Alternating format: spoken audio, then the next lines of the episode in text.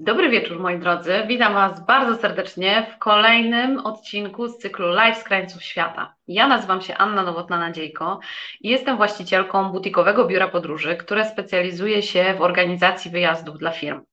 Jeśli myślisz o tym, żeby zintegrować swoich pracowników lub też popracować nad relacje ze swoimi klientami, to koniecznie odezwij się do nas, a my pomożemy Ci rozwinąć ten temat i sprawimy, że te tematy, e, które Was łączą, będą jeszcze bliższe dzięki podróżom, które dla Was przygotujemy. Więc moi drodzy, e, mam nadzieję, że jesteście tutaj dzisiaj, dlatego że lubicie inspirować się naszymi pomysłami, naszymi kierunkami, które dla Was przygotowywaliśmy. Powiem szczerze, że to jest bardzo wyjątkowe wydarzenie live online dla mnie, dlatego że jest to, moi drodzy, setny odcinek. Setny odcinek, kolejne spotkanie z dla mnie bardzo wyjątkową osobą, z osobą, którą miałam przyjemność i okazję poznać, porozmawiać i postanowiłyśmy, że połączenie naszych sił i energii to jest to, co chciałybyśmy Wam dać i stąd też pomysł na dzisiejsze spotkanie. E, przygotowałyśmy dla Was kilka niespodzianek, więc bądźcie z nami przez cały czas. Ja Was bardzo serdecznie zachęcam do tego, że żebyście byli i obserwowali nasze profile, ponieważ staramy się na bieżąco informować Wam o informować Was o tym, jak wygląda sytuacja na świecie. E, dajcie znać proszę w komentarzach, czy jesteście gotowi na ten dzisiejszy wyjątkowy odcinek, który poprowadzę przynajmniej na samym początku razem z moim szczęśliwym mikrofonem. E, ja, tak jak Wam wspomniałam, przedstawiłam się już, że od ponad 15 lat prowadzę biuro podróży, w którym pomagamy realizować podróżnicze marzenia naszych klientów. Naszym hasłem e, przewodnim jest: Marzenia są po to, by je spełniać. Więc e, dajcie znać proszę w komentarzach, skąd się dzisiaj z nami łączycie, kto jest dzisiaj z nami, kto z nami będzie świętował e, ten setny odcinek. Dla mnie to jest w ogóle bardzo niesamowite. E, powiem Wam tylko króciutką historię, przynajmniej tym, którzy nie są z nami od początku, ale te live'y to miał być taki nasz eksperyment e, w dobie pandemii, który miał sprawić, że będziemy razem z Wami w kontakcie, że będziemy Was inspirować, że będziemy dawać Wam pozytywną energię, którą się z Wami będziemy dzielić. O, dobry wieczór, cieszę się, dziękuję za te Wasze komentarze i za to, że jesteście. A stało się tak, że mija dwa lata, od kiedy się z Wami online spotykamy. Na początku były to spotkania dwa razy w tygodniu, kiedy wszyscy byliśmy jeszcze wtedy pozamykani w domach.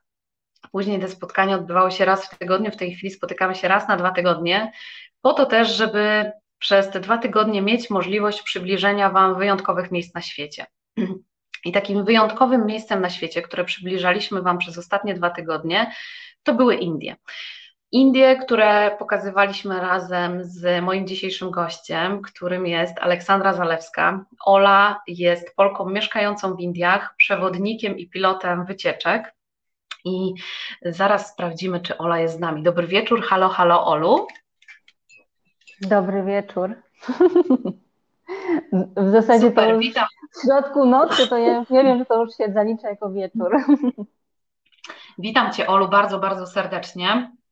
E, chciałabym, żebyś na początku opowiedziała naszym widzom, jak się zaczęła Twoja historia z Indiami. Jak Ty w ogóle się w tych Indiach znalazłaś?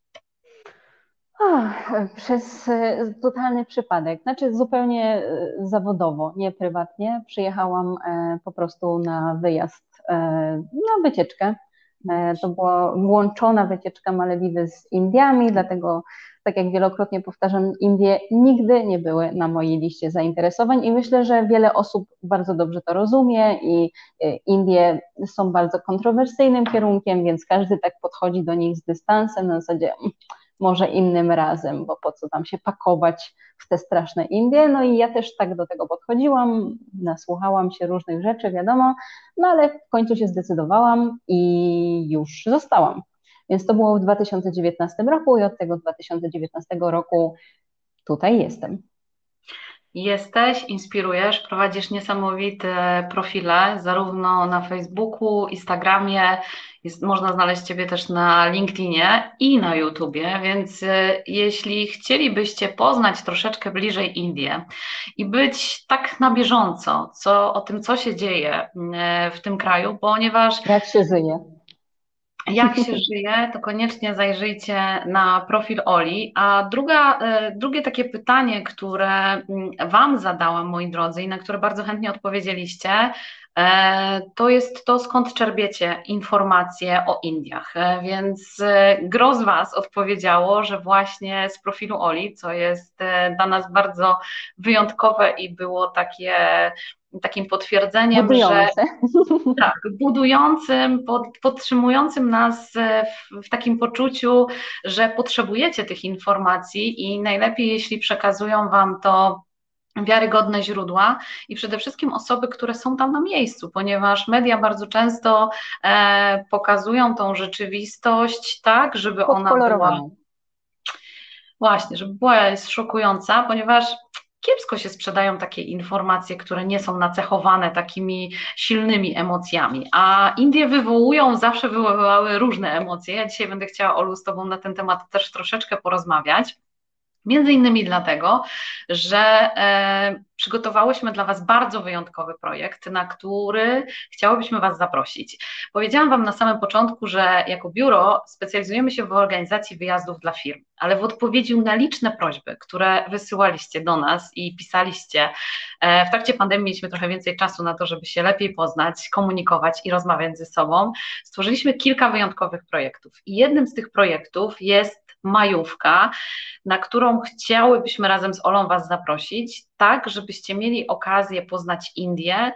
Indię widzianą oczami osoby, która tam mieszka, żyje na co dzień i która ma też przeogromne doświadczenie turystyczne, ponieważ Ola tak nieskromnie zaczęła, że wybrała się na Malediwy, ale miała okazję i przyjemność pilotować wycieczki w różnych miejscach na świecie, więc jest cudowną skarbnicą wiedzy i przede wszystkim takim wyjątkowym pomostem wprowadzającym w kulturę, bo Indie to kompletnie inna kultura, ta od naszej, a ja zawsze mówię, że warto się wybrać w jakieś miejsce, które jest inne od tego naszego, tak żeby móc się zainspirować, tak żeby móc e, działać i e, robić to troszeczkę inaczej. Wiecie, że my właśnie lubimy tak poza utartymi szlakami i stąd też właśnie zrodził się pomysł tego projektu. My Wam wklejamy link, żebyście mogli sobie zobaczyć, ale od początku, Olu.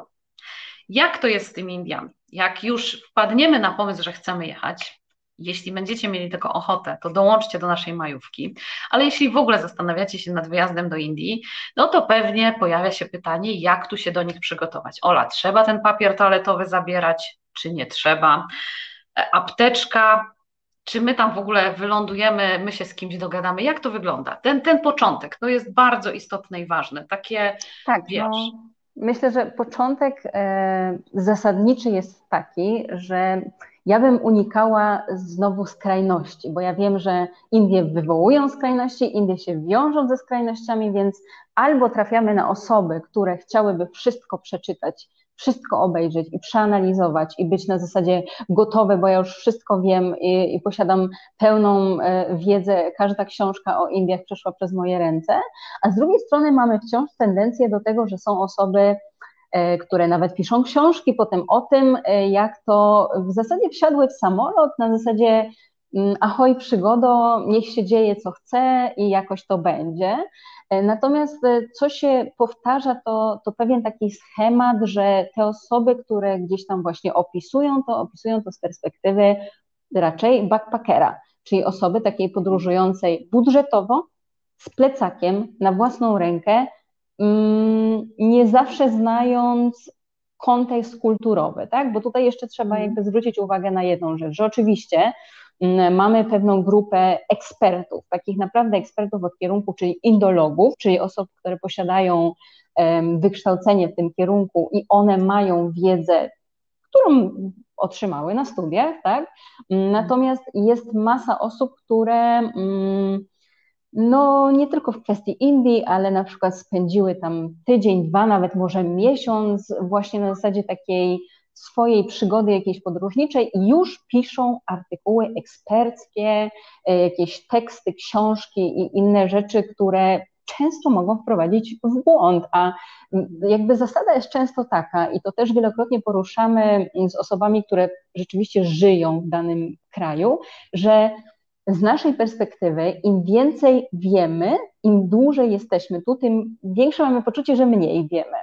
I to, to jest tak, że wiesz, jakby wchodzisz w kolejne warstwy i masz takie poczucie, że jeszcze można by coś. Ja już nawet pisząc tą książkę o Indiach, która wyszła w grudniu, tego e-booka, mam 414 stron w związku z którym mamy w ogóle dla Was dzisiaj, słuchajcie, niespodziankę. Tak, tak zrobię mały spoiler. 400, 414 stron, a ja nadal mam poczucie, że wiesz, że tam jeszcze mogłoby być głębiej, ale chciałam, żeby było tak przystępnie, ale są osoby, które po prostu, wiesz, spędziły przyjemnie albo zabawnie, albo ciekawie, albo dziwnie, albo strasznie swój urlop e, w Indiach i teraz piszą niesamowite historie na ten temat, albo są osoby, które właśnie, tak jak te media podchwytują pewne tematy dla nagłówków, które się e, klikają, tak samo są książki, które zostały napisane w taki sposób, żeby budzić emocje, żeby się sprzedawały. Więc to nie jest dobre źródło informacji i e, no cóż, jeżeli rzeczywiście mamy budżet 5 zł dziennie, weźmy papier toaletowy, pościel, wszystko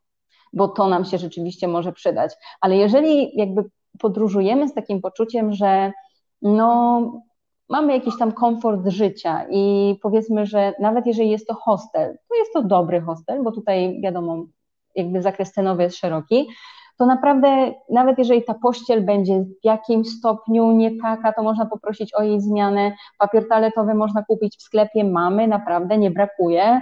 Mm, I apteczkę też, ewentualnie wszystkie nasze najpotrzebniejsze leki, które bierzemy na co dzień, ale uwierzcie mi, mamy tutaj leki przeciwbólowe, mamy antybiotyki, mamy wszystko inne, co może być Wam potrzebne i na pewno środek na biegunkę tutejszy będzie działał lepiej niż ten z Polski. Super, dzięki, bo to takie na początek, co się pojawia, to właśnie zawsze pytanie, no, e, z egzotyką to się z pewnością Indie kojarzą. E, kolejne skojarzenie, które jest, to czy te krowy naprawdę chodzą wszędzie po drogach i po prostu człowiek tak naprawdę stoi w jednym korku, a jeden człowiek na drugim człowieku, jak to wygląda. Szczególnie teraz, w tej naszej nowej rzeczywistości, w rzeczywistości pandemicznej i w tych informacjach, które docierają. Zresztą miałaś okazję być też korespondentem e, TVN24. Prawie. walki z frontu tak. walki z tym, z koronawirusem, to prawda. To się zgadza, więc e, Ola, jak to wygląda w tej chwili? E, jak Indie sobie z tym tematem radzą i czy to dobry moment na to, żeby pojechać do Indii? Mm.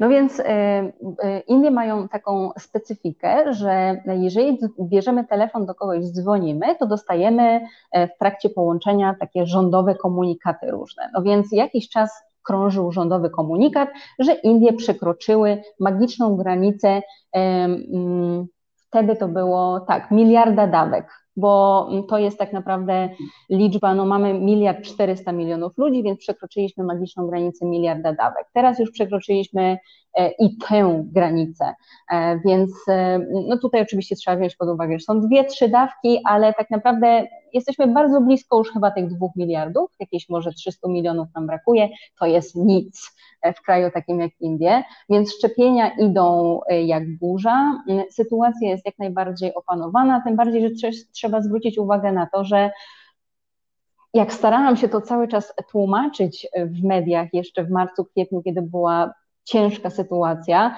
to też nie było tak, że my się tu potykaliśmy o zwłoki i unosił się wszędzie dym z krematoriów. Więc jakby było ciężko, ale znowu statystycznie, jeśli popatrzeć na to, że mamy kraj liczący 3,3 miliona kilometrów kwadratowych, w którym żyje 1,4 miliarda ludzi, to te liczby w stosunku do liczb, które nawet teraz mamy w Polsce, są zupełnie nieadekwatne. Więc sytuacja jest jak najbardziej pod kontrolą. Zresztą, no, chyba najlepszym dowodem tego jest fakt, że Indie się w końcu otworzyły. Że Indie od. Długo czekałyśmy na to. Dokładnie, bo Indie się teoretycznie otworzyły 15 listopada.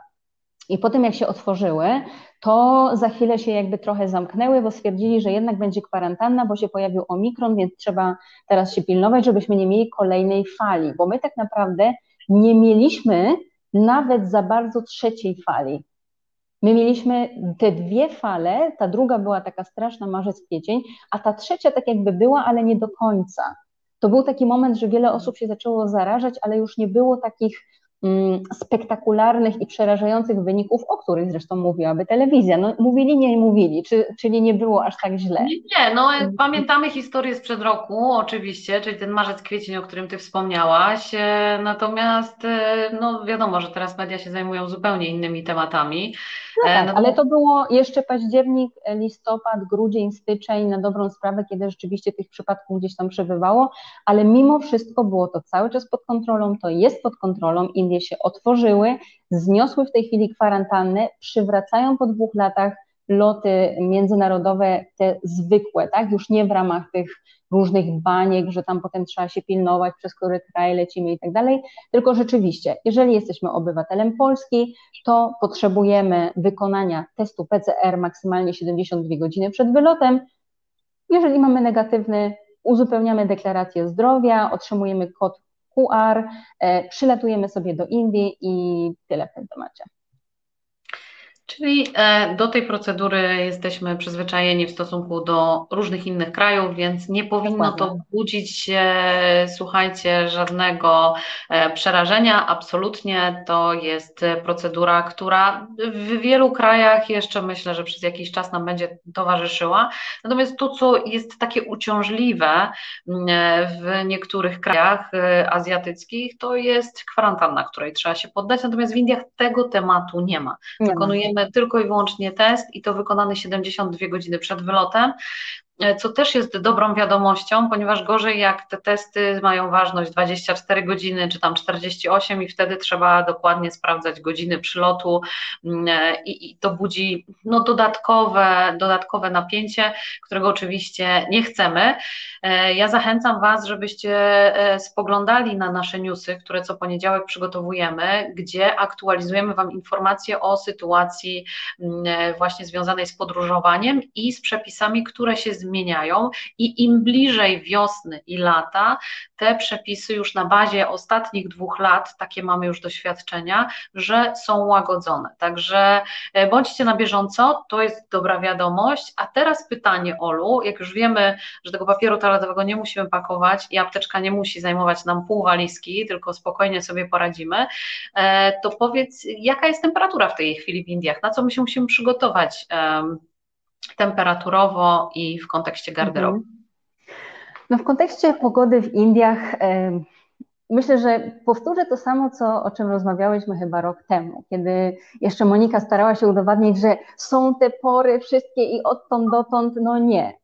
Pozdrawiamy Naprawdę, Monikę, jeśli nas Pozdrawiamy Monikę. W kontekście wielu krajów myślę i każdy, kto żyje w tych krajach w tej chwili powie Wam, że nie ma czegoś takiego. Najlepszym przykładem były dziewczyny z Tajlandii, które ostatnio non-stop publikowały, jak to już jest sucha pora w Tajlandii, a po prostu leje bardziej niż w porze deszczowej.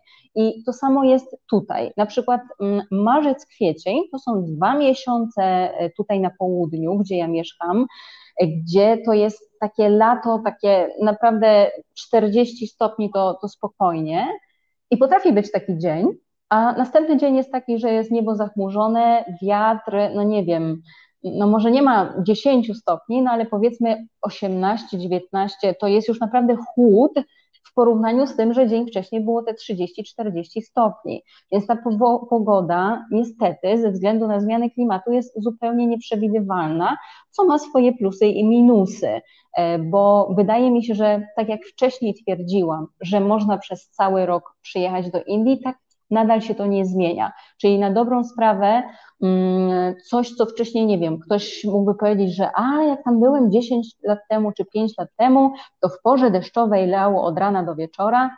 Nie ma czegoś takiego. Nie ma tak, żeby rzeczywiście lało od rana do wieczora. Jak była teraz pora deszczowa u nas, e, to było tak, że były dni, kiedy w ogóle nie lało, były dni, kiedy lało w zasadzie w nocy, więc to w żaden sposób nie jest uciążliwe. Były dni, kiedy zaczynało lać o 16, polało przez dwie godziny i tyle, więc nie ma takiej do końca zasady. Jakby trzeba się przygotować na to, żeby mieć jakąś bluzę ze sobą, bo może być chłodno, tak jak szczególnie wieczorami, żeby mieć zawsze lekkie, przewiewne ubrania. Z tym też nie ma problemu, bo na dobrą sprawę to można wszystko dokupić tutaj za niewielkie pieniądze, e, żeby mieć jakieś wygodne obuwie, mm, tym bardziej, że mm, no też często w ogóle w Azji pojawia się ten problem, że tutaj ktoś każe niby mieć pełne obuwie, a tutaj mówią, żeby ściągać buty. No właśnie, jakby kultura Azji jest taka, że jak gdzieś wchodzimy, to raczej obuwie ściągamy.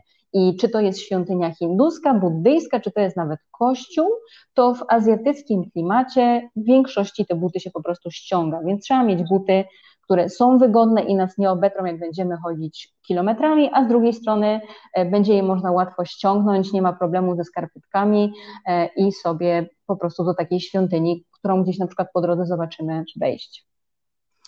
Korzystając z okazji, e, chciałabym, słuchajcie, moi drodzy, zaprosić Was do rozmowy. Jeśli macie jakieś pytania, które krążą Wam w głowie i chcielibyście je zadać podczas dzisiejszego live'u, to jak najbardziej możecie.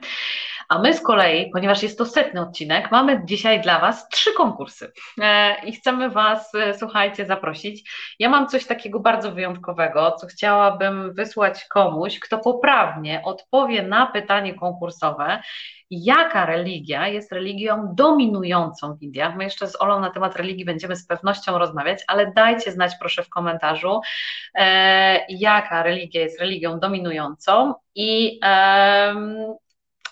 na tego, kto poprawnie odpowie na to pytanie, e, czeka pierwszy, pierwszy odpowie. Tak, pierwszy, pierwszy, odpowie, dokładnie, e, czeka pierwsza nagroda, za chwilę będzie więcej, e, więc Olu, Wspomniałaś, że Ty mieszkasz na południu, w zapowiedzi zresztą do dzisiejszego live'a, którego zrobiłaś z przepięknych ogrodów botanicznych, jesteś w Bengalurze, na południu Indii. Czy północ z południem bardzo się różni i czy to samo dotyczy i ludzi, i jedzenia? I e, jak to wygląda? Czy mm, projekt naszego wyjazdu zakłada, że będziemy mieli okazję zobaczyć chociaż kawałek e, północy i południa? Jak, mamy to zaprojektować? Mhm. Ściągnę okulary, żeby się tak nie odbijać może bardzo. E, więc tak, e, generalnie różni się moim zdaniem bardzo mocno. Znaczy dla kogoś, kto nazwijmy to dla laika, który przyjeżdża, wszystko może być głośne, kolorowe, pachnieć inaczej, ale północ od południa, wschód od zachodu różnią się diametralnie.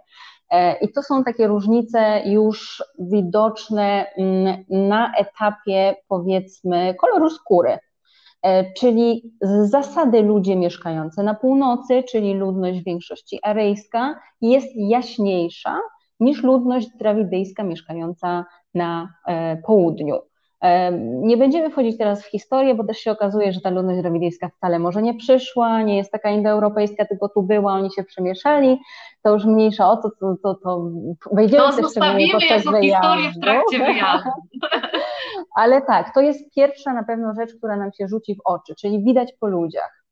E, potem kwestia jest właśnie nawet w sposobie mm, jakichś praktyk religijnych. Oczywiście w Indiach religii jest cała masa, jest hinduizm, jest islam, który jest drugą największą też religią, e, buddyzm, chrześcijaństwo w wielu odmianach, e, sikhizm, dżinizm, e, bahaizm i jeszcze wiele różnych mniejszych sekt, więc widać na przykład też takie skupiska pewnych miejscach. Tak? Oczywiście to też, jest tak, to też jest tak, że jeżeli popatrzymy właśnie na te media tradycyjne, jeżeli popatrzymy na najczęstsze relacje, jeżeli popatrzymy na standardowe programy większości biur podróży, no to one się skupiają na północy, czyli to jest Delhi i tak zwany złoty trójkąt, czyli Delhi, e, Agra z Taj Mahalem i Jaipur czyli stolica Rajasthanu, albo ewentualnie to są takie właśnie programy po Rajasthanie, czyli zwiedzamy wszystkie forty, jesteśmy na pustyni, e, i mamy taki obraz tych Indii, które,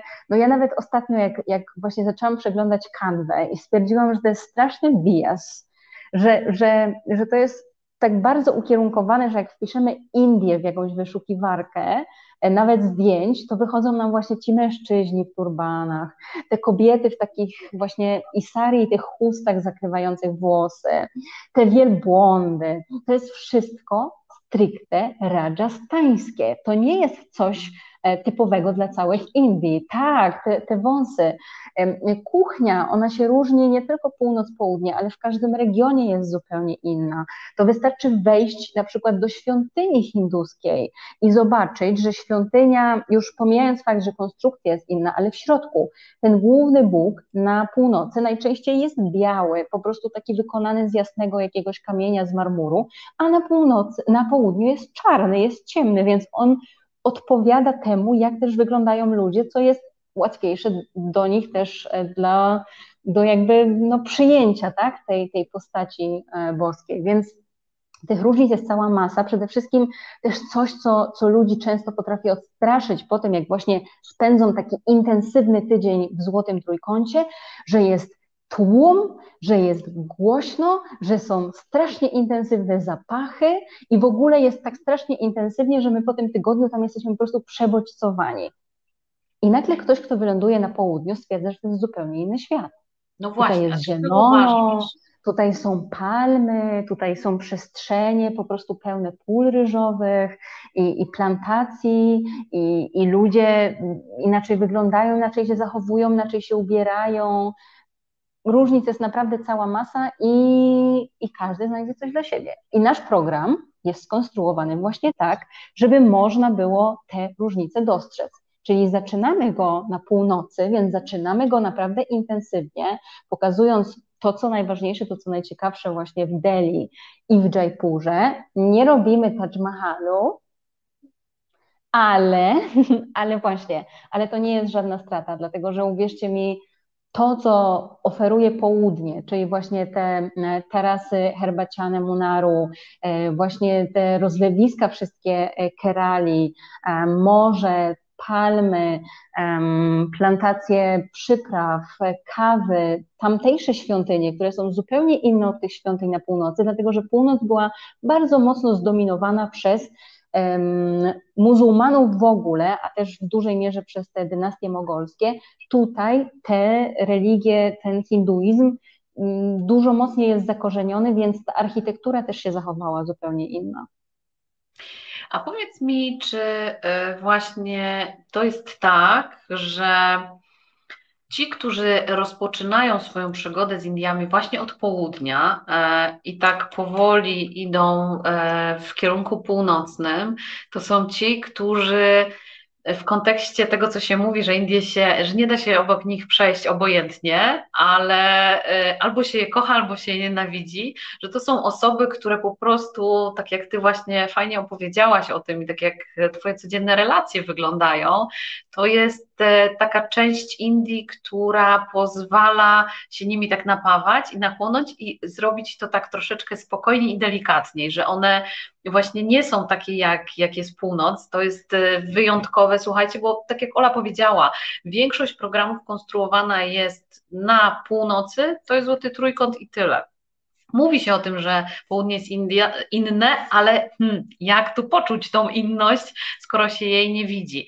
E, nasz program też e, jest zatytułowany Smaki Indii. Czy to jakiś przypadek? Przypadek? Nie sądzę. nie, to wszystko wygląda tak, że mm, tak, tak, no tak jak mówisz, kontrasty, kontrasty, kontrasty. Ja nie lubię się skupiać na tych różnicach. Ja z y, poniekąd wykształcenia i z zamiłowania jestem specjalistą do spraw komunikacji międzykulturowej. I jakby mm, moim głębokim przekonaniem jest to, że żeby komunikacja zachodziła, to oprócz tego, że warto by było znać pewne teorie, Hofstede, Hall, Lewis i tak dalej, to warto mieć takie poczucie, żeby się nie skupiać na różnicach, tylko na podobieństwach.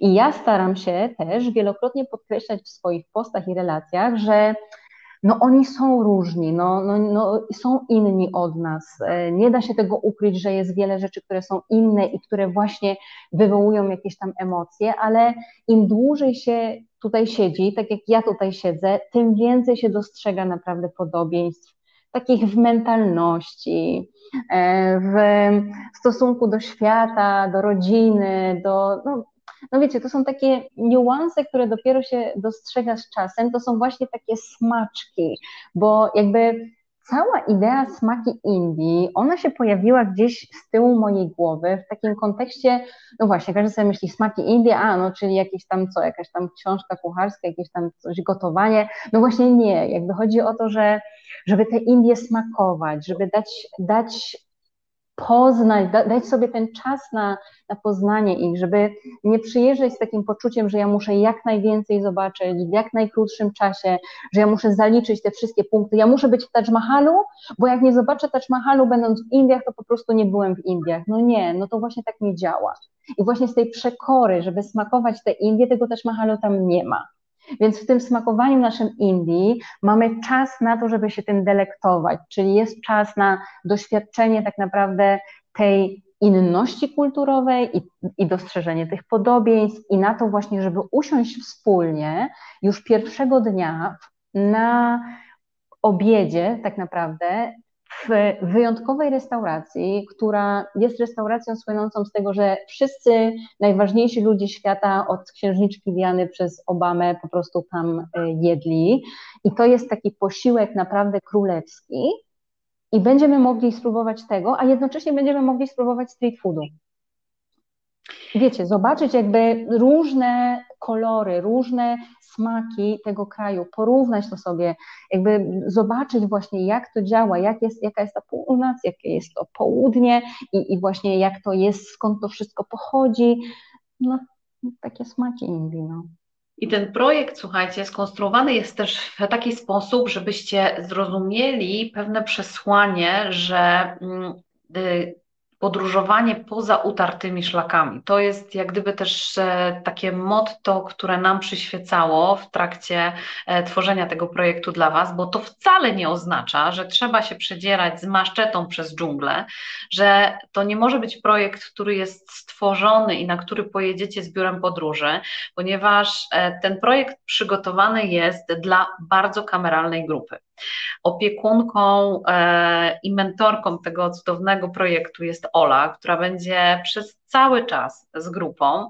E, I to, co jest też wyjątkowe w tym projekcie, to jest to, na co my kładziemy duży nacisk przy organizacji wyjazdów incentive dla firm, w których się specjalizujemy, czyli dbałość o najdrobniejsze szczegóły i zadbanie i zagwarantowanie Wam bycia w miejscach i odpoczynku w miejscach, które są przygotowane na poziomie dla osób wymagających, które e, wiele miejsc w życiu swoim już widziały.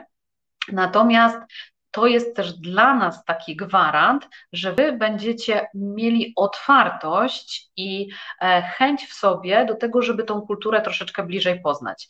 Bo tak jak Ola powiedziała na samym początku, bardzo mi się to podobało, że są tacy backpackersi, oni przyjeżdżają, oni są w samym środku e, starej części Delhi, oni chłoną to wszystko, te kolory, smaki, hałas, wszystko i tak dalej. No i później się rodzą właśnie takie przekonania, że Boże, Indie nie są dla mnie w ogóle. A kwestia tak. jest tego, żeby. Paharganj, bo... słynna dzielnica w Delhi, gdzie po prostu wszyscy backpackersi tam śpią, gdzie nawet wielu Indusów omija to miejsce szerokim łukiem. Chandni Chowk, czyli miejsce, gdzie wszyscy chcą być, bo to takie słynne miejsce, a tak naprawdę Chandni Chowk no, warto zobaczyć, ale no, my je będziemy podziwiać z poziomu rykszy, e, bo tak jest naprawdę wiele bardziej komfortowo, e, żeby przebić się właśnie od e, tego meczetu gromadzącego, tego Jama Masjid, czyli tego największego meczetu w Indiach, do bramy Czerwonego Fortu, żeby tak naprawdę pozwolić sobie na taki slow travel trochę. E, żeby dać sobie czas na smakowanie tych Indii, czyli z jednej strony oczywiście na takie dosłowne smakowanie Indii i poznawanie tych różnych, bardzo różnych, łącznie z kuchnią fusion, łącznie z kuchnią Parsi, czyli kuchnią irańską, łącznie z tym, że będziemy u indyjskiej rodziny, z lekcją gotowania i wspólnym posiłkiem, więc naprawdę pełne spektrum takie kulturowo-kulinarne, ale z drugiej strony, no właśnie, jest chociażby takie miejsce jak Muzeum Narodowe. Mm, nie wiem, szczerze powiedziawszy, nie, nie widziałam programu, który zahaczałby o to miejsce. Jest Czerwony Fort, który gdzieś tam czasami ktoś się rzeczywiście zatrzymuje. Większość idzie do tego fortu, który jest w Agrze, przy okazji będąc w Taj Mahalu, bo tak jest łatwiej. No nie, to jest moim zdaniem inne miejsce, piękne miejsce, świetnie zrobione muzeum przy okazji. Jakby te tereny parkowe, architektura, e, też możemy zobaczyć takie elementy nawiązujące troszeczkę do Taj Mahalu z punktu widzenia wykonania architektonicznego, ale to Muzeum Narodowe jest bardzo niedoceniane, a to jest miejsce, gdzie naprawdę w ciągu godzinki, dwóch, może jak ktoś bardziej dogłębnie ma czas i ochotę, jesteśmy w stanie tak objąć e, umysłem ten ogrom kulturowy, cywilizacyjny, jaki mają nam do zaoferowania Indie, bo Indie niestety wciąż są często niedoceniane, są uważane po prostu za biedny, brudny, śmierdzący kraj, który no niestety on został po prostu zrujnowany za czasów e, Brytyjczyków, którzy dotarli tutaj jako mm, kupcy, tak naprawdę, jako kompania wschodnioindyjska, a potem e, zajęli najpierw Bengal Zachodni, najbogatszy region, pokonałem kolejne tereny i to oni doprowadzili do tego, z czym dzisiaj muszą mierzyć się Indie, jako ta nowa republika e, demokratyczna, która jest od 1947 roku.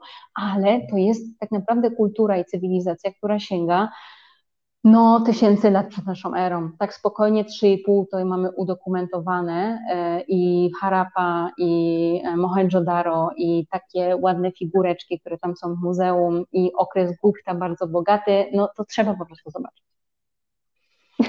Takich perełek w trakcie tego projektu i wyjazdu będzie sporo. E, jak widzicie, chyba nie można lepiej trafić niż być tam z kimś, kto dobrze zna te różnice kulturowe i potrafi je wytłumaczyć, bo ja pamiętam mój pierwszy wyjazd do Indii, kiedy się przygotowywałam, e, gdzie miałam przyjemność pilotować grupę, to dla mnie objęcie tych wszystkich religii, e, to było bardzo trudne e, i, i, i, ogrom tej wiedzy jest e, naprawdę niesamowity, a z drugiej strony było to tak przekosmicznie ważne, bo żeby zrozumieć ten kraj i żeby faktycznie wyjechać z niego z przekonaniem, że e, miało się okazję być trochę bliżej, no to trzeba to wszystko wiedzieć i trzeba to też umieć przekazać. Więc a propos tego, chyba nie macie wątpliwości, że, że Ola jest pasjonatką, że e, fascynuje ją absolutnie ta kultura e, i to uwielbiam najbardziej w przewodnikach moich przyjaciołach, z którymi mam e, przyjemność i okazję pracować przy naszych projektach. Więc e, z tego się bardzo cieszę i, i, i, z tego naszego wspólnego pomysłu. Olu, e, jeszcze takie pytanie a propos religii, bo troszeczkę zaczęłyśmy na ten temat mówić. Mm, e, Indie to kraj wielu religii. A jak to wygląda? Czy my, jako mm, wyznawcy innej religii, możemy wejść na teren obiektów sakralnych innych religii? Musimy się jakoś do tego przygotować. Mamy taki plan, żeby troszeczkę bliżej przy, przyjrzeć się tym obiektom w trakcie naszego wyjazdu? Mhm, tak, jak najbardziej. Y, jakby zasada jest taka, że to wszystko zależy, gdzie my jesteśmy i trzeba mm, mieć trochę tej świadomości y, z tyłu głowy. Gdybyśmy na przykład wylądowali w Tamil Nadu, które jest bardzo konserwatywne na południu e, Indii tutaj, to jest tak, że na przykład możemy wejść do świątyni, ale do tej strefy takiej sakrum stricte, gdzie znajduje się ten idol, czyli ta, ten główny posąg Boga, tam nas nikt nie wpuści, jeżeli nie jesteśmy wyznawcami hinduizmu. Możemy sobie ogólnie pochodzić po świątyni, tam nie zajrzymy.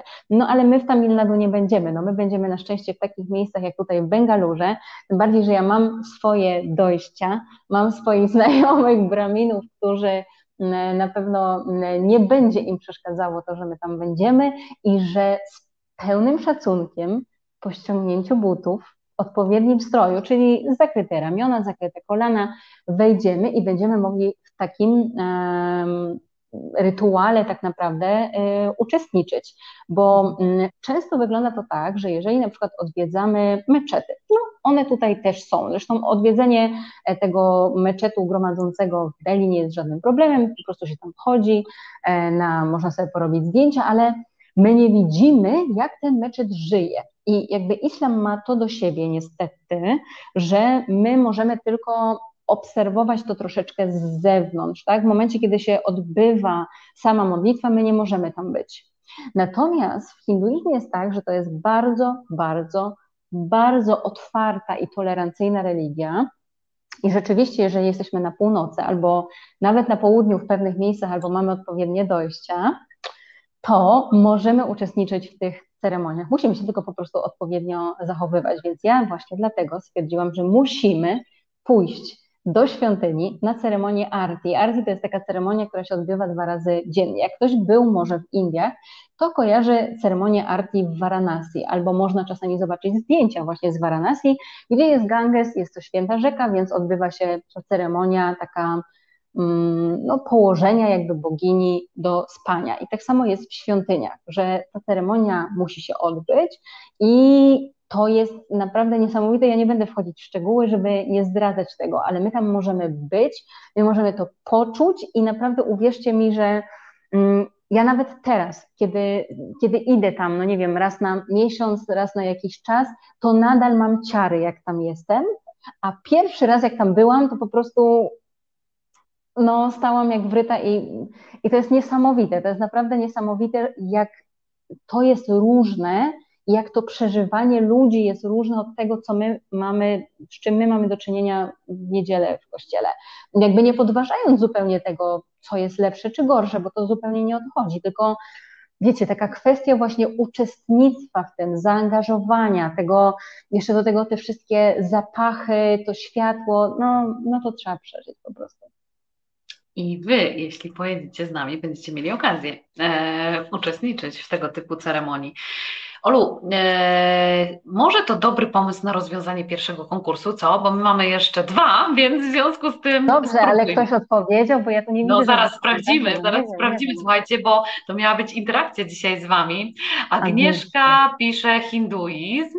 Zaraz zobaczymy, czy to była Aga. Maciej, Maciej pisze hinduizm.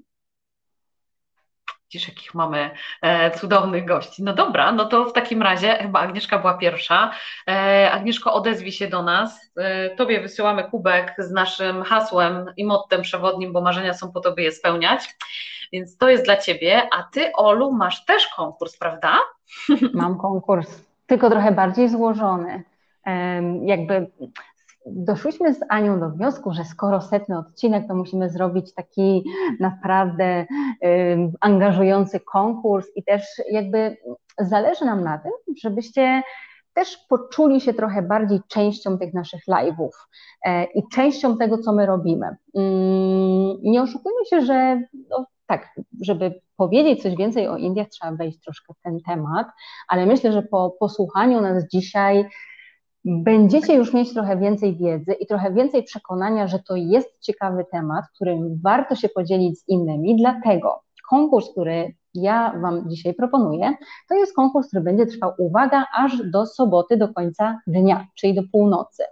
E, zasady tego konkursu są takie, że dla wszystkich, którzy oglądają nas teraz, tudzież dla wszystkich, którzy obejrzą nas później na YouTubie, na Facebooku, e, Prośba jest i będzie i jest to też ujęte w regulaminie konkursu, który będzie zamieszczony zaraz po live na fanpage'u Atelier Podróży, czyli facebook.com łamane przez Atelier Podrozy. E, I e, na mojej stronie właśnie znajdziecie regulamin, gdzie jest prośba o to, żeby udostępnić ten nasz live albo link do naszego dzisiejszego live'u o Indiach i nagrodą w tym konkursie jest książka właśnie, o której już wspomniałyśmy, czyli moja książka Smaki Indii. Książka Smaki Indii, jak ja wielokrotnie podkreślam, nie jest to książka kucharska, nie jest to przewodnik, to są Indie w pigułce, więc to jest naprawdę 414 stron wiedzy. Zresztą możecie wejść sobie też na blogu Atelier Podróży, jest ona opisana, jest z treści u mnie na Instagramie. Macie tak naprawdę przegląd tego, jak wyglądają te religie, jak wygląda życie codzienne tutaj, e, gdzie warto co zobaczyć, co zjeść i ta książka może być wasza. E, jeżeli oprócz tego, że zamieścicie link do live'u, napiszecie też, dlaczego to Wam właśnie powinniśmy tą książkę w prezencie ofiarować. Także macie czas do soboty 12 marca do końca dnia, żeby udostępnić, dodać hashtag smaki Indii, oznaczyć mnie i Anię lub którąś z nas, żebyśmy były w stanie zobaczyć, że w ogóle bierzecie udział w konkursie, bo to jest bardzo ważne, i napisać, dlaczego to Wy powinniście otrzymać tą książkę. E, gwarantuję, że książka Was nie zawiedzie. E, warto zerknąć sobie, opinie już są. E, także zapraszamy bardzo serdecznie do udziału w konkursie i, no i czekamy na zgłoszenia. A wyniki będą do 16 marca. Super, bardzo słuchajcie Was serdecznie, do tego zachęcamy. A przede wszystkim to mm, chciała, chciałybyśmy, żebyście poznali trochę bliżej Indię. Mm, jeśli jeszcze się zastanawiacie, czy jest to kierunek dla Was, to ta książka na pewno rozwieje Wasze wątpliwości, e, rozbudzi Wasze apetyty i mamy nadzieję, że dołączycie do naszego projektu Smaki Indii. Olu, Ty poza tą książką, e, to nie jest w ogóle Twoja pierwsza książka, bo są różne jeszcze inne, które można przeczytać, bardzo ciekawe, ale napisałaś między innymi artykuł o tysiącu i jednej pamiątce, e, które warto e, przywieźć z Indii. Jakbyś miała podać z tych tysiąca stu pięć, to co by to było? Tak, tak. Indie, kraj tysiąca jednej pamiątki. Myślę, że nikt nie ma co do tego wątpliwości. Każdy, kto był, wie, że tutaj jest masa różnych e, rzeczy. Myślę, że mm, takie pięć, które powiedziałabym, żeby rzeczywiście przywieść, o tutaj widzę, że chyba e, tak, zaczyna się tak, nasza... Tak, rozbudzimy e, troszeczkę Wasze smaki i apetyty, więc w trakcie naszej opowieści, żebyście mieli okazję też e, popatrzeć na przepiękne widoki, które na pewno nam będą towarzyszyły podczas naszej wyprawy. Tak, tak, tu mamy, tak. Więc takie pięć rzeczy, myślę, że tak, dla osób, które lubią wellness, to takim e, bardzo ciekawym na pewno prezentem dla siebie, dla znajomych będą oleje do włosów, e, czyli na przykład oleje z amlą. To jest taka, to jest taki mm, agrest indyjski, w zasadzie tak by to można określić. Bardzo dobre właśnie na mm, wypadanie włosów, na gęstość włosów. To jest coś takiego, co raczej w Polsce ciężko dostać, więc myślę, że warto po to sięgnąć. Jedną z takich rzeczy, które ja bardzo uwielbiam, to są pikle, czyli peklowana żywność, a w zasadzie to nie chodzi o w ogóle żywność, tylko o owoce i warzywa, dlatego że tutaj mm, często na północy na przykład, jeżeli mamy śniadanie, bo śniadania na południu są trochę bardziej złożone, e, to dostajemy taki chlebek parata, który jest faszerowany na przykład, no nie wiem, białą rzodkwią, serem e, panir, albo po prostu jest to taki grubszy chlebek, serwowany na przykład z jogurtem. I żeby był jakiś taki element przełamania smaku, bo Indusi po prostu lubią, jak jest wiele różnych nut smakowych, to mamy na przykład takie marynowane cytryny, albo marynowane zielone mango, albo marynowane papryczki, albo marynowane mieszankę w ogóle takich e, warzyw, więc uważam, że to jest coś bardzo ciekawego i naprawdę jak ktoś lubi wyjątkowe smaki, to trzeba po to sięgnąć. Oczywiście takim chyba standardem, który nikogo nie zdziwi, będą przyprawy, e, bo jednak Indie to jest kraj, który z tego słynie i plus jest taki, że my, no, będąc e, w Kerali, będziemy na plantacji e, przypraw ekologicznych, przypraw, więc stamtąd można sobie takie naprawdę stuprocentowe, mm, sprawdzone przyprawy przywieźć, bo jednak trzeba pamiętać o tym, że przyprawa przyprawie też nierówna. Ja już też nieraz o tym pisałam i też w kontekście na przykład cynamonu, który mm, no, na przykład w Indiach trzeba dobrze poszukać, żeby trafić na cynamon e, srilankański, który jest prawdziwym cynamonem, a nie kupić sobie na przykład kasji, która jest trująca, która jest sprzedawana przez wszystkie mm, e, tutaj możliwe marki w Europie. Także uwaga na to. E, myślę, że takim ciekawym pomysłem też dla naszych, no nie wiem, mam, sióstr, babć, cioć, E, i dla nas samych są szale z paszminy, e, czyli jak mamy te kozy, które żyją sobie tam w Kaszmirze, one mają tutaj taką bardzo miękkie włosie na szyi i właśnie z tego włosia e, wykonuje się takie bardzo miękkie, lekkie, delikatne, ale ciepłe szale o no, różnych wzorach, aczkolwiek kolory raczej takie mamy mm, takie ziemiste, powiedziałabym. to to, to ile już mamy, Aniu? Cztery, czy już jest pięć? Jedna. Jeszcze została jedna, ostatnia rzecz. E, myślę, że to wszystko zależy, kto lubi co, bo mamy bardzo wiele wyrobów różnych rzemieślniczych, w sensie takiej sztuki lokalnej, e, czy to w postaci figurek, czy to w postaci właśnie jakichś materiałów, czy obrazów, e, ale no, można też sięgnąć po bardziej takie właśnie standardowe rzeczy, typu właśnie ubrania, lekkie, przewiewne, przyjemne, bo Indie naprawdę mają ogromny, bardzo dobry przemysł bawełniany, więc te bawełniane ubrania jak najbardziej, kosmetyki ajurwedyjskie, najlepiej z takiej sprawdzonej jakiejś firmy typu e, Kama Ayurveda albo Forest Essentials e, i, i może już tyle. O rany, rozbudziłaś, że tak powiem, e, nasze no herbata, herbata, herbata. No to, to prawda, to prawda. wiele z tych rzeczy. Ola, my rozmawiałyśmy e, i pisałyśmy posty wspólnie na temat, e, wrócę jeszcze na chwilę do, do tematu kuchni, ponieważ wielu osobom kuchnia mm, e, kojarzy się z tym, że jest bardzo ostra. Czy mhm. e, my w trakcie tej naszej podróży będziemy mieli okazję przekonać się o tym, że nie wszystkie potrawy są ostre? Jak, jak to w ogóle wygląda? Jak tu się do tego e, przygotować i e, Zdecydowanie pod, tak, tak. podstawą kuchni, której będziemy próbować? Zdecydowanie tak. No, mm, podczas naszego wyjazdu, tak naprawdę, tak jak już wspomniałam, spektrum kulinarne będzie bardzo szerokie. Od kuchni takiej naprawdę dań serwowanych dla głów państw e, przez street food za no nie wiem, kwotę rzędu 20 rupii, które nawet ciężko przeliczyć na grosze polskie, e, o, jak tutaj chociażby jalebi, które się właśnie pojawiło. Mm, takie rzeczy, tego wszystkiego będzie można spróbować i mm, jakby inni mają to do siebie, że mm, trzeba po prostu wiedzieć, co się zamawia i zamawiać świadomie. I jeżeli my będziemy wychodzić z założenia, że no nie wiem, coś trzeba zjeść i byle tutaj, no nie wiem, pierwsze z brzegu jakieś weźmiemy danie, byle było tanio, to możemy rzeczywiście się czasami um, zaskoczyć negatywnie. Ale po, powiedzmy o tutaj piękne zdjęcie palak panir, czyli ser panir w sesie szpinakowym, e, czy Teraz mamy kolejne zdjęcie biryani, czyli ryż taki duszony z mięsem albo z warzywami, mięsem i warzywami, albo jajkiem i warzywami.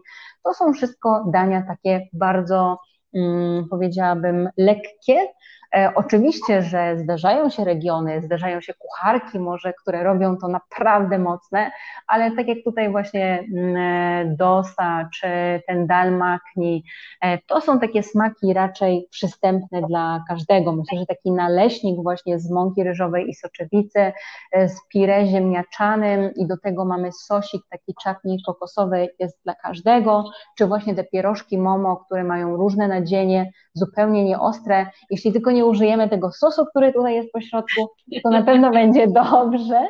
I tych dań jest cała masa. I warto pamiętać o tym, że dania, z którymi my się spotykamy w Polsce, kuchni indyjskiej, nie do końca są tymi daniami, którymi my się spotkamy tutaj. I nawet jeżeli my na przykład, no nie wiem, nie smakował nam palak panir albo jakieś tam inne danie, którego spróbowaliśmy w jakiejś indyjskiej restauracji gdzieś poza Indiami, a nawet w Indiach, to nie oznacza, że w miejscu, w którym my będziemy, to nam nie zasmakuje, bo te dania mają to do siebie, że każdy szef kuchni, każda pani domu ma swoją troszeczkę inną recepturę.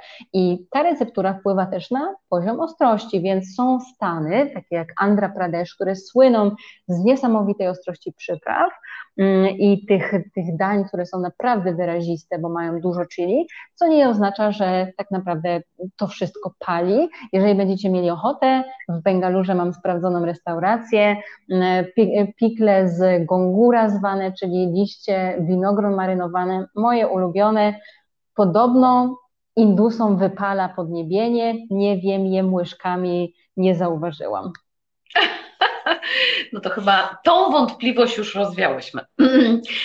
E, kolejna rzecz, e, która z pewnością chodzi e, nam po głowie, to jest możliwość i sposoby przemieszczania się. W sensie, my rozmawiałyśmy o tym podczas naszego ostatniego live'a, ale może byśmy przypomniały troszeczkę temat, w jaki sposób w ogóle po Indiach my będziemy się poruszać, jak to można zrobić, bo to jest jeden z też z tych bardzo ważnych aspektów, który w trakcie pytania, które ja Wam, moi drodzy, zadałam w story, Stories e, podczas przygotowań do naszego dzisiejszego live'a, to padła kwestia związana z bezpieczeństwem. To jest oczywiście w tej chwili numer jeden e, rzeczy, które są dla nas ważne, więc oczywiście po pierwsze bezpieczeństwo gwarantujemy my jako organizator, który posiada wszelkiego typu gwarancje ubezpieczeniowe, licencje. E, ten temat też się pojawiał w mediach całkiem niedawno w kontekście różnych podmiotów, podmiotów i Zanzibaru, słynnego naszej Zielonej Wyspy na mapie świata.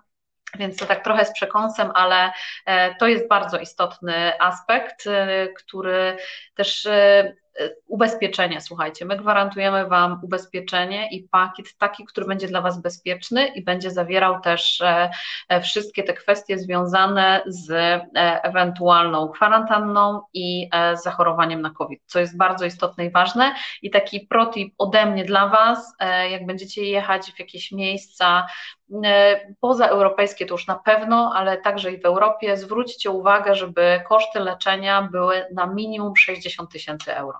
To jest taki E, to jest taka suma. E, no tak, no i żyjemy w czasach pandemicznych. Ja od razu powiem, dlatego współpracuję właśnie z Anią, dlatego współpracuję jako pilot przewodnik z biurami podróży, ponieważ wydaje mi się, że to jest podstawa, że naprawdę żyjemy w czasach, kiedy każdy powinien być świadomy, że jest coś takiego jak ustawa o usługach turystycznych, która gwarantuje pewne prawa i daje jednocześnie obowiązki. I w momencie, kiedy decydujecie się na wyjazd, czy to jest wyjazd bliski, czy daleki, na przykład z jakąś bardzo znaną osobą, influencerem, wszystko jest fajnie, dopóki jest fajnie. Do momentu, kiedy się nie okaże, że na przykład właśnie jest pandemia, że na przykład rezerwowaliście sobie lot, był w super świetnej cenie, bo biuro takiego nie dawało, a potem się okazuje, że ojej, nie było tam warunków od rezygnacji teraz wasz test jest pozytywny, nawet błędnie pozytywny, ale wy nie możecie lecieć i wasz bilet w tym momencie przepada. Nie mówiąc już o tym, że na miejscu możecie sobie, no nie wiem, naprawdę skręcić nogę albo po prostu e, trafić do szpitala z jakiejś innej przyczyny e, i no właśnie, i potem się okazuje, że ktoś ląduje z ręką w nocniku, bo taki organizator, który nie jest legalnym organizatorem, nie jest wpisany do rejestru organizatorów turystyki, on nie ma żadnych zobowiązań w stosunku do Was i potem lądujecie, mm, tak jak z Wojtkiem z Zanzibaru, że gdzieś się podziały te pieniądze, Bóg jeden raczy wiedzieć gdzie, no z biurem podróży, takim prawdziwym organizatorem turystyki tego programu nie ma. No i macie też zapewnionego pilota. Przewodnika. Najlepszego na świecie. Który Najlepsze... się Wami opiekuje, który, wiecie, jakby wiadomo, że możemy wyjść z założenia oczywiście Dziś wszędzie na świecie się komunikujemy po angielsku, jak najbardziej. Wie to każdy, kto kiedyś się dodzwonił na indyjską infolinię. E, w sensie infolinię jakiegokolwiek dużej, jakiejś dużej firmy i musiał zrozumieć, co też ten indyjski kolega czy koleżanka po drugiej stronie linii ma im do powiedzenia. Więc to jest często tak, że wiecie, trzeba naprawdę dobrze się przypatrzyć, żeby zrozumieć, co ta osoba chce nam e, powiedzieć. Więc dla własnego po prostu komfortu psychicznego, e, oczywiście mm, nie negujemy faktu, że można podróżować samotnie, jak najbardziej. Róbcie to, aczkolwiek myślę, że czasy pandemii to nie jest czas na to, żeby może tak albo robić to troszeczkę bardziej uważnie, ale jak chcecie mieć poczucie komfortu psychicznego i fizycznego również, z odrobiną luksusu, e, to my zapraszamy bardzo serdecznie. A przemieszczanie się też ma tutaj e, wielkie znaczenie. Ja z zasady nie jestem zwolennikiem podróżowania z grupą trampingowego e, w czasach pandemii. Nie da się ukryć, że mm, w transporcie publicznym, bardzo tanim często, nie do końca mamy wpływ na to, z kim my lądujemy i nie jesteśmy w stanie wpłynąć na to, że ktoś ma maskę, nie ma, czy na nas kaszle, czy nie kaszle, a my musimy z nim spędzić może 5 minut, a może 5 godzin, a może 2 dni podróży, bo jakby wiele osób nie zdaje sobie sprawy z tego, że przykładowo ja jestem w Bengalurze, w stanie Karnataka, mam półtorej godziny lotu na Sri Lankę, ale mam trzy godziny lotu do Delhi, więc to są mniej więcej takie odległości. Gdybym chciała lecieć do Ladaku, to pewnie byłoby to z około 4,5 godziny.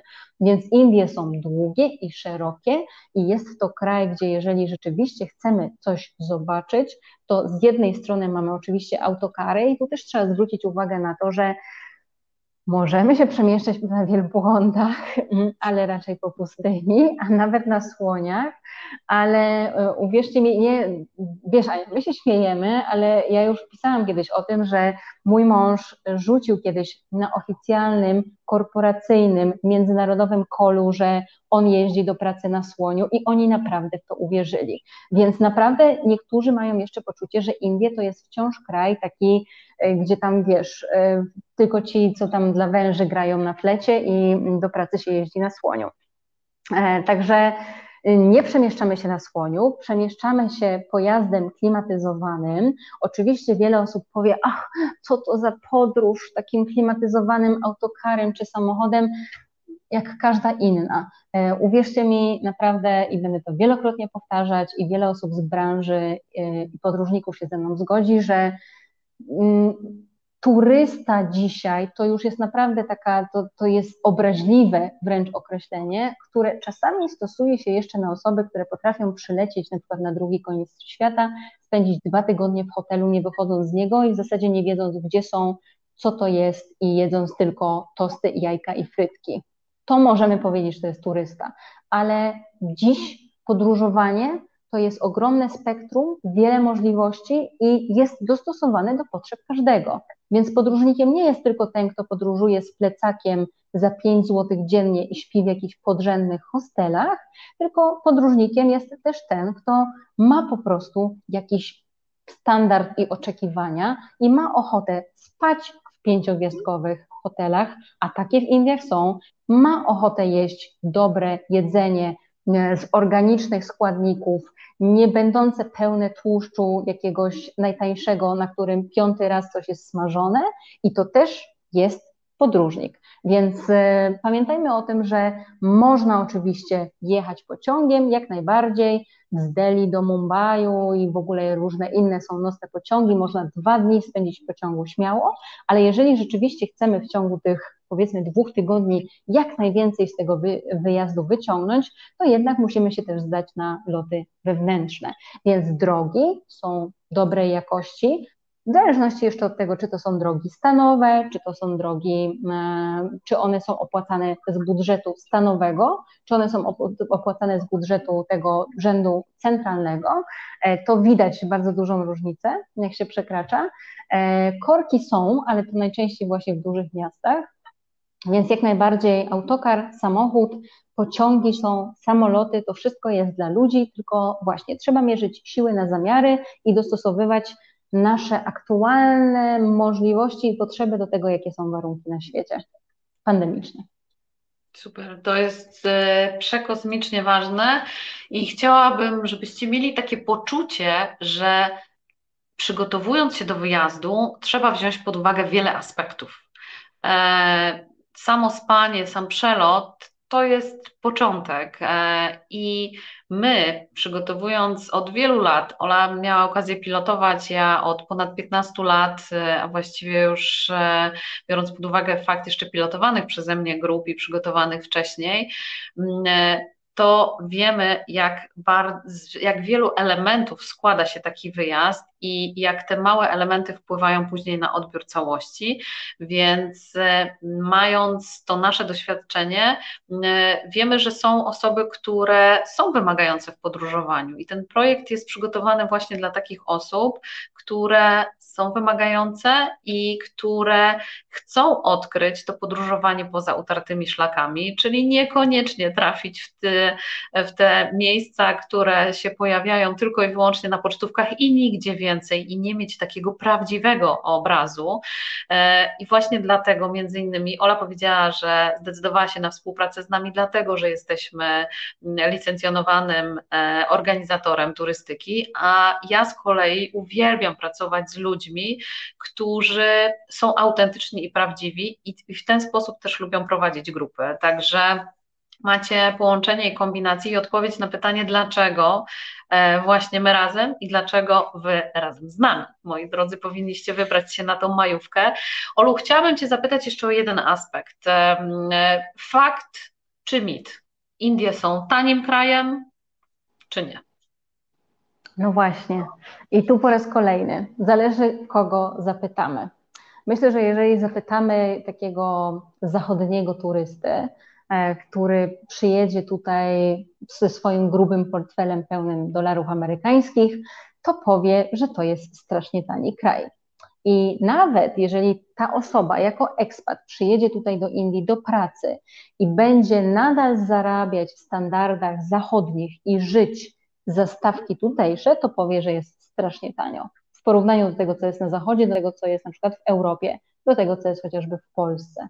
No ale właśnie, na tym polega problem, że jeżeli swoją wiedzę na temat Indii, kosztów życia w Indiach, kosztu podróżowania po Indiach czerpiemy z od blogerów podróżniczych, którzy na przykład no, przyjechali tutaj często na sponsorowane tripy, bo, bo wiem, że są na przykład linie lotnicze, które sponsorują takie tripy, albo są to po prostu influencerzy, którzy zostali zaproszeni, e, albo są to osoby, które szukają właśnie takich to się już teraz nazywa profesjonalnie dark tourism, czyli takich naprawdę, wiecie, skrajnych emocji, takich miejsc typu właśnie zajrzyjmy do slumsów.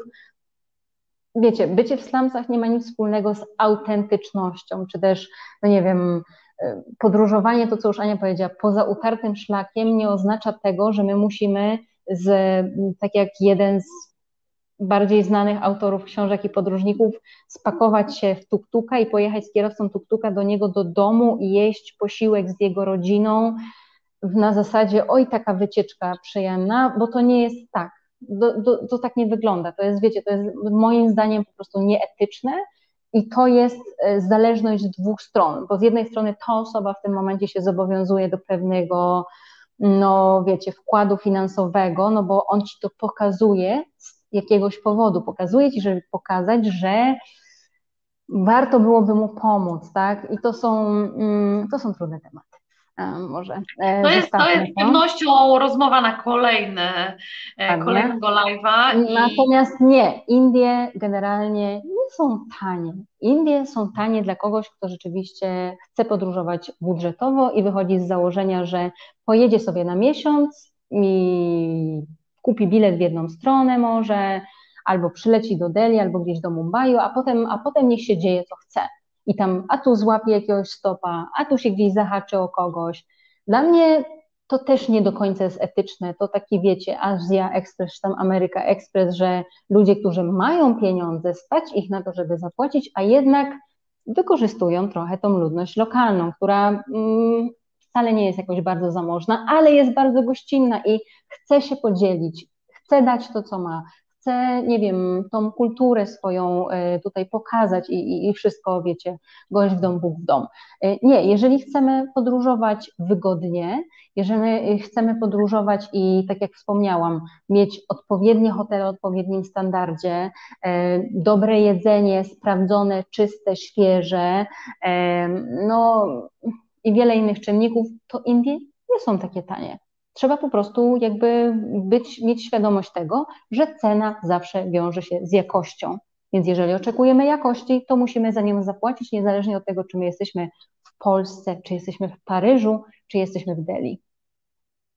Super, bardzo Ci za to dziękuję. Dziękuję Ci za tą dzisiejszą rozmowę. Chciałabym, żebyśmy tylko sobie pewne rzeczy podsumowały. E, po pierwsze, co gwarantujemy Wam w ramach współpracy z nami i w ramach udziału w tym projekcie, e, a po drugie, e, żebyście dali znać koniecznie w komentarzach, czy chodzą Wam po głowie jeszcze jakieś pytania związane z Indiami.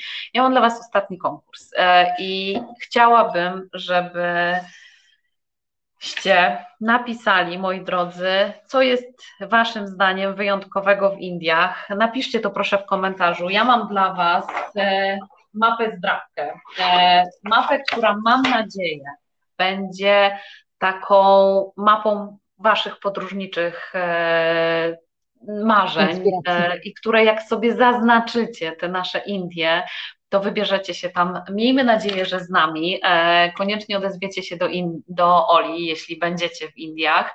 E, o tym proszę pamiętajcie. Ja Was zachęcam do tego, żebyście zaglądali na Oli profil, zarówno na Instagramie, Facebooku, jak i też LinkedInie i YouTubie. Także jesteśmy wszędzie. E, pamiętajcie o Oli konkursie, o tym, że można wygrać książkę Smaki Indii, która z pewnością rozpali Wasze zmysły i odpowie Wam na pytanie, e, dlaczego Indie są takie niesamowite. A teraz w komentarzach napiszcie koniecznie, proszę Was, e, po tym naszym dzisiejszym live, dlaczego Indie mm, po tej naszej rozmowie wydają Wam się być wyjątkowe, a my krótko z Olą podsumujemy to, na co chciałobyśmy Was zaprosić. Wybieramy się w majówkę, bo start już 30 kwietnia. Dobre 4 i 5 gwiazdkowe hotele, wyjątkowe restauracje, najlepszy pilot przewodnik w Indiach w języku polskim, którego mieliście przyjemność i okazję dzisiaj poznać, czyli Aleksandra Zalewska. Olu, co dorzucisz jeszcze do tego? Y, program autorski wyjątkowy, którego gwarantujemy Wam, że nikt inny nie ma, który zakłada zarówno no, zobaczenie miejsc takich bardzo pocztówkowych, jak właśnie w Delhi i punktów obowiązkowych, ale też właśnie takich jak to muzeum czy Czerwony Fort wspomniany, oprócz tych standardowych jak Kutub Minar czy mm, Mauzoleum Humayuna.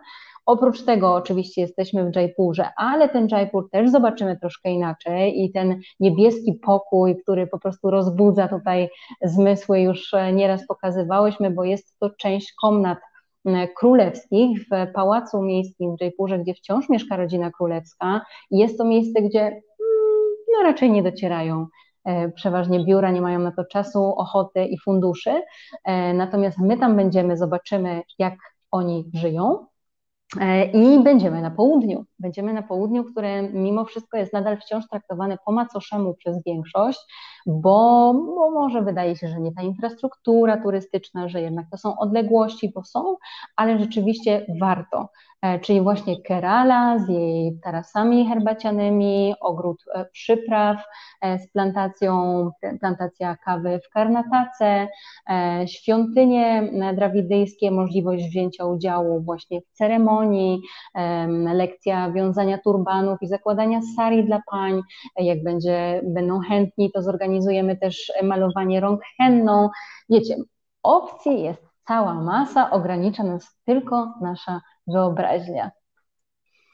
I tego Wam życzymy, żeby ta wyobraźnia była nieograniczona. Słuchajcie, bądźcie z nami. E, ten dzisiejszy setny, wyjątkowy odcinek jest dlatego, że jesteście z nami, za co chciałabym Wam bardzo, bardzo serdecznie podziękować. Motywujecie nas do działania, oglądacie, wysyłacie komentarze, piszecie prywatne wiadomości, za co bardzo, bardzo serdecznie Wam dziękuję. Z tego miejsca zapraszam Was na kolejne wydarzenie live za dwa tygodnie. Tym razem, moi drodzy, zabiorę Was do Stanów, e, ponieważ e, jest i mieszka tam ktoś, od kogo zaczęła się cała nasza historia z live'ami. E, wielu z Was wie, o kim mówię, a będziecie mieli okazję e, spotkać się i porozmawiać z tą osobą już wkrótce. Także Olu, bardzo, bardzo serdecznie Ci dziękuję. Ja już się nie mogę mhm. doczekać e, spotkania, które z pewnością zrobimy z uczestnikami tego naszego projektu. Więc moi drodzy, E, cały czas trwa jeszcze promocja do 20 marca. Jeśli zakupicie udział w naszym projekcie, macie 100 zł zniżki i książkę Oli Smaki Indii w prezencie od nas. Także macie jeszcze troszeczkę czasu. E, mamy świadomość tego, że jest to bardzo wyjątkowy czas dla wszystkich z nas mhm. na świecie, e, więc wysyłamy takie światełko pokoju i duże serducho dla naszych przyjaciół z Ukrainy, którzy muszą sobie radzić w tej trudnej sytuacji. My jesteśmy i staramy się być cały czas dla Was wsparciem. E, pamiętajcie proszę o tym. E, my o Was cały czas pamiętamy, a Wam, moi drodzy, chciałbyśmy zostawić Was z pewnym przesłaniem. My, będąc silni, e, realizując i działając i pracując, jesteśmy w stanie pomagać innym. Dlatego ważne jest, żeby zadbać o siebie, o swoją głowę. Ostatnio miałam okazję, nie wiem, czy Ci Ola o tym wspominałam, ale E, jest taka procedura w samolocie, kiedy siedzi się i e, jest powiedziane, że maseczkę najpierw trzeba założyć sobie, a później dziecku i osobie, która siedzi obok ciebie.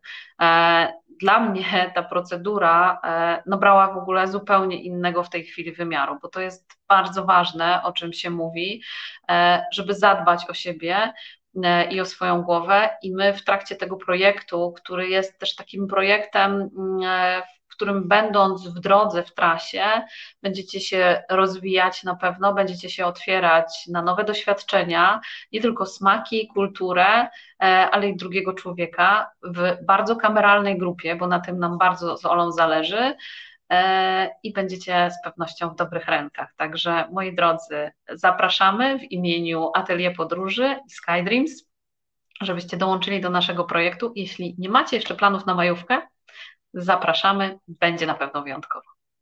Zapraszamy. Obiecujemy. Do zobaczenia, kochani. Pozdrawiam Was serdecznie.